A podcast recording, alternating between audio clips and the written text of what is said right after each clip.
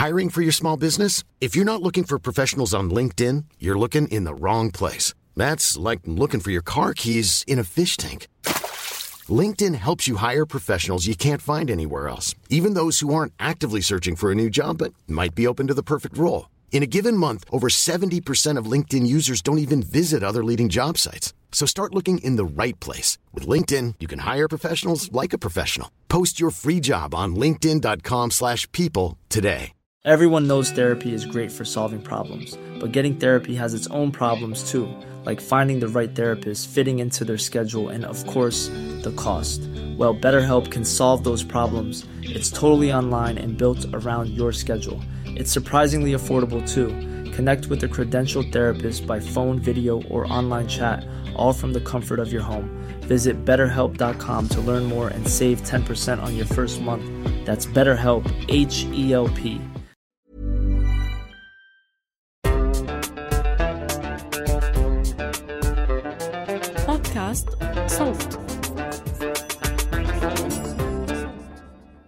مرحبا أنا الوليد خالد وهذه حلقة من العراق لبودكاست خرائط اللامكان محافظات نينوى وأجزاء من صلاح الدين وكركوك وقعت تحت سيطرة مقاتلي تنظيم الدولة الإسلامية في العراق والشام بعد فراغ يوم الجيش. 9 حزيران يونيو 2014 استيقظ العراقيين على أخبار غير مؤكدة عن انسحاب الجيش العراقي من الموصل وشبه سيطرة لعناصر داعش على الجانب الأيمن من الموصل. ظهيرة اليوم نفسه بدأت الأخبار تتأكد خبر بعد خبر. نوري المالكي رئيس الوزراء بوقتها قال أنه نحتاج 24 ساعة فقط لاستعادة الموصل بينما باليوم الأول والثاني لسقوط المدينة بيد داعش فر 500 ألف مواطن حسب المنظمة الدولية للهجرة.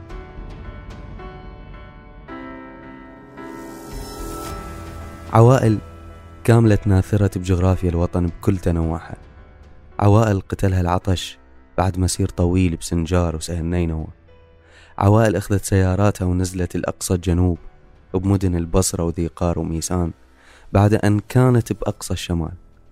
أعداد كبيرة دخلت إقليم كردستان بدون سابق إنذار وباتت ليالي بالشوارع. ناس هربت بدون ما تلحق تاخذ أي شيء من ممتلكاتها. غير الأوراق الرسمية. وهواي منهم هرب حتى بدون أوراق الثبوتية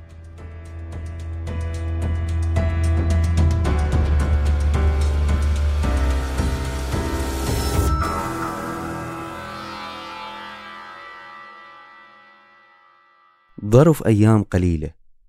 الحال تغير لآلاف العوائل. من عوائل مستقرة ببيوتها إلى عوائل تفترش الصحراء.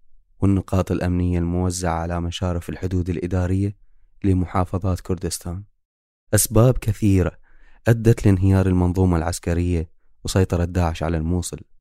أسباب تم تشخيصها من قبل لجنة الأمن والدفاع النيابية بتقريرها المفصل حول سقوط عدة محافظات تحت يد تنظيم داعش. التقرير كشف عن تورط أسماء بالدولة والجيش والشرطة المحلية بالتقصير بواجبها. إلى اليوم لم يتم محاكمة المتسببين بهذا الخرق الأمني وخروج محافظة عراقية عن سلطة الدولة.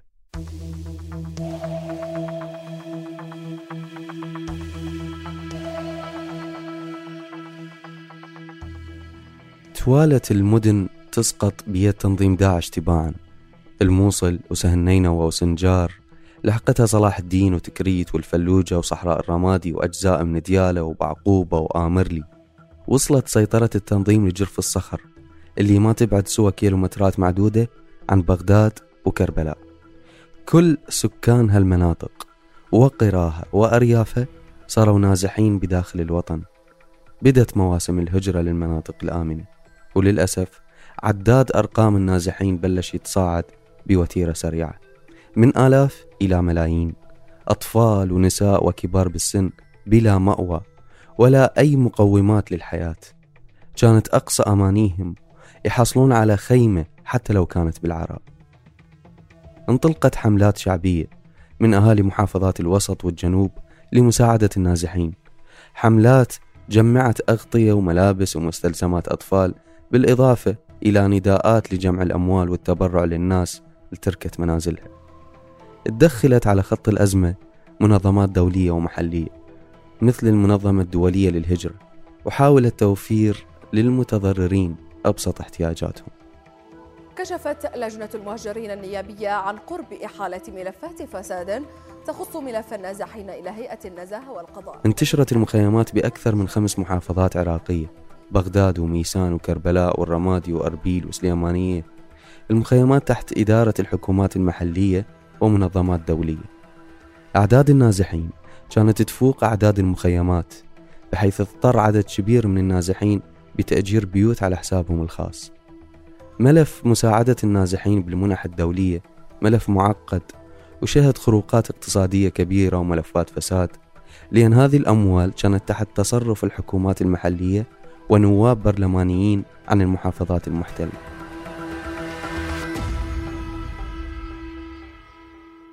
تجاوز عدد النازحين 6 ملايين نازح بعموم مخيمات اللجوء حسب تقرير مفصل عن المرصد الأورو متوسطي لحقوق الإنسان.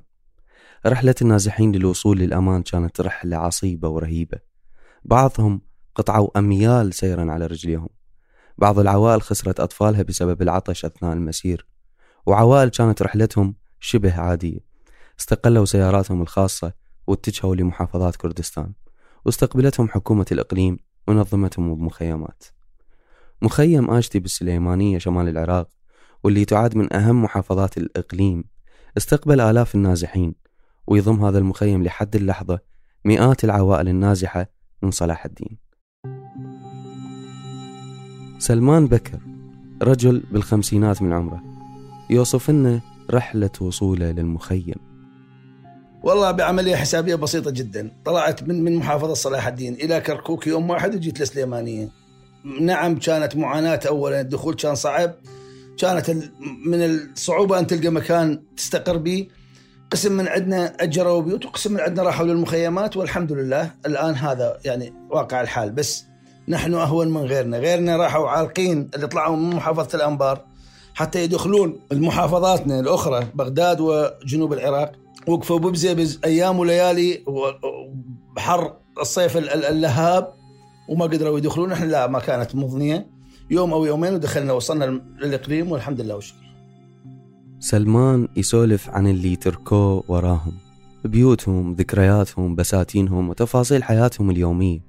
يقول ما نقدر نعيش ويا الأقوام الظلامية اللي دخلت ديرتنا. سبب النزوح الحقيقي الفئة اللي جت. إحنا نعرف مدى ظلامياتها كل من صاحب فكر وعنده بعد نظر يعرف إنه أنت إذا بقيت ممكن أولادك ممكن أحد من الناس اللي حواليك تخدع الشعارات الرنانة اللي جو بها لكن إحنا نعرف إنه هاي الفئة ضالة ولهذا من وقت من أول ما دخلوا وإحنا خرجنا راسا. ما بقينا وتركنا أملاكنا وتركنا بيوتنا وتركنا حلالنا مثل ما يقول ذاك حلالنا الحيوانات اللي نملكها الأسماك اللي كانت ببحيراتها البساتين محملة. فواكه عفناها ومشينا ما قدرنا نتعايش وياهم ولا يوم.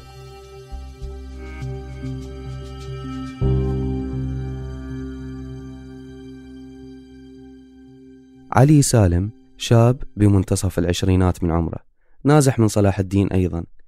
يتكلم بحسرة عن قريته تركها حسرة تحجب عنا المفردات وتغيب عنا اللغة بحيث أجوبته كانت مختزلة على العكس تماما من كمية الألم العاشة. في بيجي صلاح الدين بيجي. نعم. آه نعم قرى لكن مو ما تنحسب مثل المخيم و... نعم نعم. تعرف وضع المخيم صعب. نعم صح. لكن أنت منطقتك حتى لو كانت قرية أو يعني ما كان مدينة ونفس مستوى المدن لكن منطقتك. الرجل الخمسيني سلمان يسترجع ذكرياته عن المكان اللي تركه والخيارات القليلة اللي كانت متاحة له. في مناطقنا في محافظة صلاح الدين كنا عايشين ومرتاحين في مناطقنا بساتيننا ضمن عوائلنا وعشائرنا وكل واحد يحس بعزه وكرامته يم أهله وناسه. وجبرتنا الظروف على أنه مثل ما قال طارق بن زياد العدو أمامكم والبحر من وراءكم. ظلينا بين نارين يا إما نبقى ونتعايش ويا الفئة الضالة اللي جت احتلت مناطقنا أو نخرج. فخرجنا والحمد لله إحنا الآن في في مناطقنا اللي إحنا ساكنين بها بالإقليم. نسأل Ryan Reynolds here from Mint Mobile. With the price of just about everything going up during inflation, we thought we'd bring our prices down. So to help us, we brought in a reverse auctioneer, which is apparently a thing. Mint Mobile unlimited premium wireless. Ready to get 30, 30, bit to get 30, bit to get 20, 20, 20, bit to get 20, 20, bit to get 15, 15, 15, 15 just 15 bucks a month. So, Give it a try at mintmobile.com slash switch. $45 upfront for three months plus taxes and fees. Promo for new customers for limited time. Unlimited more than 40 gigabytes per month. Slows. Full terms at mintmobile.com. Everyone knows therapy is great for solving problems, but getting therapy has its own problems too, like finding the right therapist, fitting into their schedule, and of course, the cost. Well, BetterHelp can solve those problems. It's totally online and built around your schedule. It's surprisingly affordable too. Connect with a credentialed therapist by phone, video, or online chat, all from the comfort of your home. Visit betterhelp.com to learn more and save 10% on your first month. That's BetterHelp H E L P. والله يعني تمها علينا وتعاد مناطقنا كما كانت حتى نرجع عليها. أما الآن وهي محتلة لا والله ما نقدر نرجع.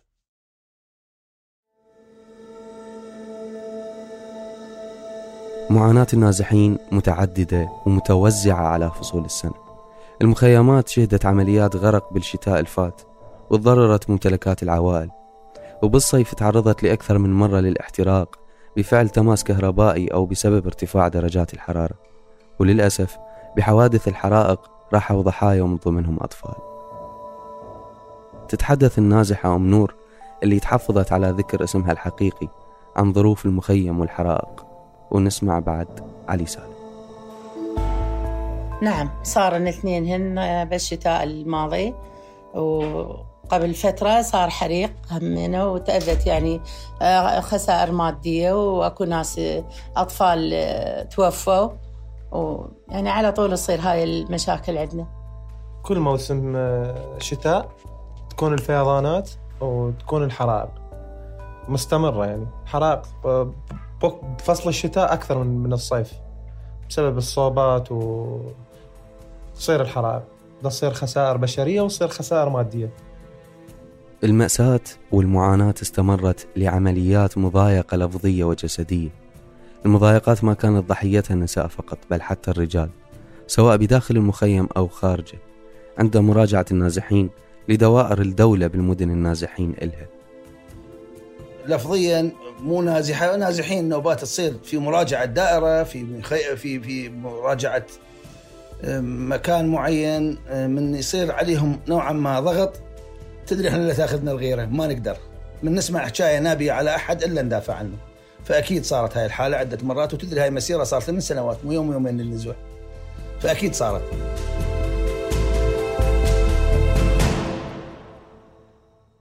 حسب تقرير المرصد الأورو متوسطي رجع ما يقارب خمس ملايين نازح لمناطقهم بعد أن تم تحريرها بعمليات أشرفت عليها الحكومة العراقية والمنظمة الدولية للهجرة. عملية إعادتهم للمدن والقرى تأخرت لأكثر من سنة بعد عمليات التحرير. والأسباب سياسية أكثر منها أمنية. بقى لحد اللحظة ما يقارب مليون ومئتين ألف شخص بمخيمات النازحين بإقليم كردستان. بمارس آذار 2021 صادقت الحكومة العراقية على الخطة الوطنية لإعادة النازحين إلى مناطقهم الأصلية المحررة واللي وضعتها وزارتي التخطيط والهجرة والمهجرين. لكن الحكومة أغلقت 16 مخيم على مدى الأشهر الثمانية الماضية وتركت ما لا يقل عن 34 ألف نازح دون أي ضمان لقدرتهم على العودة إلى مناطقهم بأمان أو تأمين مأوى على الأقل. حتى أن تكون بعض المخيمات شهدت عودة قسرية لبعض العوائل بعد إغلاقها من قبل الحكومة العراقية. عوائل رجعت لبيوت مدمرة بفعل الحرب وعمليات التحرير. رجعوا بدون تعويضات مادية لخسائرهم. البعض الآخر من العوائل فضل الذهاب لمخيمات نزوح أخرى بمناطق كردستان لأن ما كان مستعد نفسيا للعودة ولا الحكومة وفرت بيت بديل أو قامت بإعمار بيته على الأقل. والله حقيقة تفاءلنا خير بعد أن أجريت الانتخابات وصارت أكو بعض التغييرات لا نقول تغييرات حتى ما نفرط بالتفاؤل. تفاءلنا ممكن أنه تصير هيبة للدولة وتعاد المناطق إلى أهلها وتصير سيطرة تامة على السلاح المنفلت بهذا البلد. وبالإمكان بعد ذلك أنه ترجع لمنطقتك تعيد بيتك المهدم. ممكن يصير أكو حكومة عندها ضمير يوم من الأيام تقول هاي الواردات اللي جاي ننهبها خلينا ننطي شوية للشعب نعوضوا عن ما جرى له اللي هي كانت السبب بيه مو المواطن. يمكن يمكن يصير أكو أمل خير. نسأل الله أن يوفق الجميع. طبعا أتمنى أرجع لمنطقتي لكن أرجع لمنطقتي إذا توافت الشروط. الأمان الخدمات أحس إنه أني عايش ببيتي من أطلع من بيتي أهلي بالبيت أكو أمان مو أني أطلع والموبايل مفتوح وياهم. أكيد. لأن ماكو أمان. هسه الآن اللي عايشين الآن وهاي الحوادث اللي تصير واكو أمان؟ يوميا حادث يوميا ما أن تدخل مخيمات النزوح في أربيل حتى تستقبلك وجوه النازحين المليئة بالحزن والعتب على الأحزاب والكتل السياسية التي تمثلهم في البرلمان؟ وذلك بسبب تركهم يواجهون مصيرا مجهولا منذ ست سنوات نسبة كبيرة من النازحين قاطعوا الانتخابات البرلمانية الأخيرة بسبب يأسهم وإحباطهم من الطبقة السياسية. طبقة ما قدرت تغير حالهم نحو الأحسن ولا تعيدهم لبيوتهم ولا تخصص لهم تعويضات عن خسائرهم المادية والمعنوية. عدم حصولهم على بطاقة ناخب كان سبب إضافي لعدم الانتخاب. الآثار النفسية اللي خلفتها رحلة النزوح واضحة على نفوس النازحين وخصوصا الأطفال منهم. حسب تقارير منظمات دولية كثيرة وحتى تقرير المرصد الأورو المتوسطي أشار لهذه الجنبات. انحرم بعضهم من حق التعليم والرعاية الصحية. أطفال مشردين داخليا. عاشوا أذى الحروب وقسوة النزوح هم وعوائلهم. بس للآن هذه العوالم متمسكة بجذورها. وتريد العودة لمدنها وقراها بأي ثمن يحسون بالانتماء للأرض اللي طلعوا منها بالقوة. بلادي وإن جارت علي عزيزة أهلي وإن شحوا علي كرام. ما حد يعني اللي باقي هاي ثمان سنوات متحمل هذا الضيم أمله أنه تعاد منطقته كما كانت ويرجع لها. حبي البلدي وانتمائي البلدي. لا يمكن أن يتزعزع بهذا بما جرى بعد آه، بهذه الأحداث لسبب بسيط. أني وأنت نعرف. العراق مر بعدة نكبات على مر التاريخ. لم يكن العراق كأرض وكمياه. اللي إحنا نحبها ونعشقها هي السبب. إنما تصرفاتنا إحنا إحنا كشعب هي اللي أدت بنا لهذه النتائج. فلا يمكن ولو كنت يعني من اللي يمكن يزعزع إيمانهم بهذا البلد لما كنت موجود حاليا هنا. كنت حالي حال الخرجة من البلد وممكن أعيش بأي مكان بالعالم. لكن والله لو أعيش بجزر الكناري مو أغلى علي من تراب بلدي اطلاقا.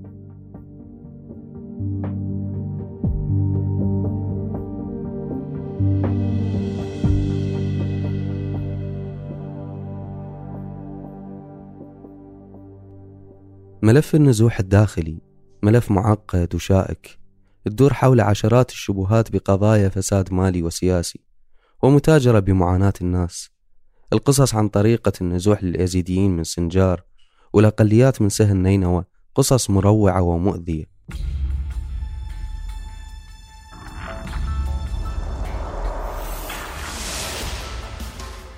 السؤال هو هل الحكومة العراقية جادة بإعادتهم؟ تضمن لهم عودة طبيعية مو مثل طرق إعادتهم القسرية اللي صارت بعد إغلاق المخيمات؟ هل تستطيع الرقابة المالية وهيئة النزاهة السيطرة على الأموال وطريقة توزيعها على المتضررين؟ تقدر الحكومة تضمن إعادة الحق للنازحين بعد أن شهدت مناطقهم تغيير ديموغرافي واضح على أساس سياسي وطائفي؟ أسئلة محتاجة لإجابات من الحكومة العراقية إجابات بهيئة خطوات فعلية على أرض الواقع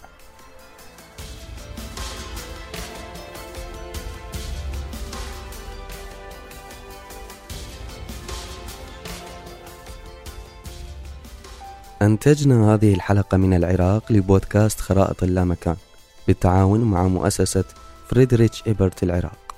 كنا معكم من الإعداد والتقديم الوليد خالد ومن التحرير عمر فارس ومن الهندسة الصوتية محمود أبو ندى وساهم في الإعداد محمد علاء الدين زيدان. بودكاست خرائط اللامكان من إنتاج صوت.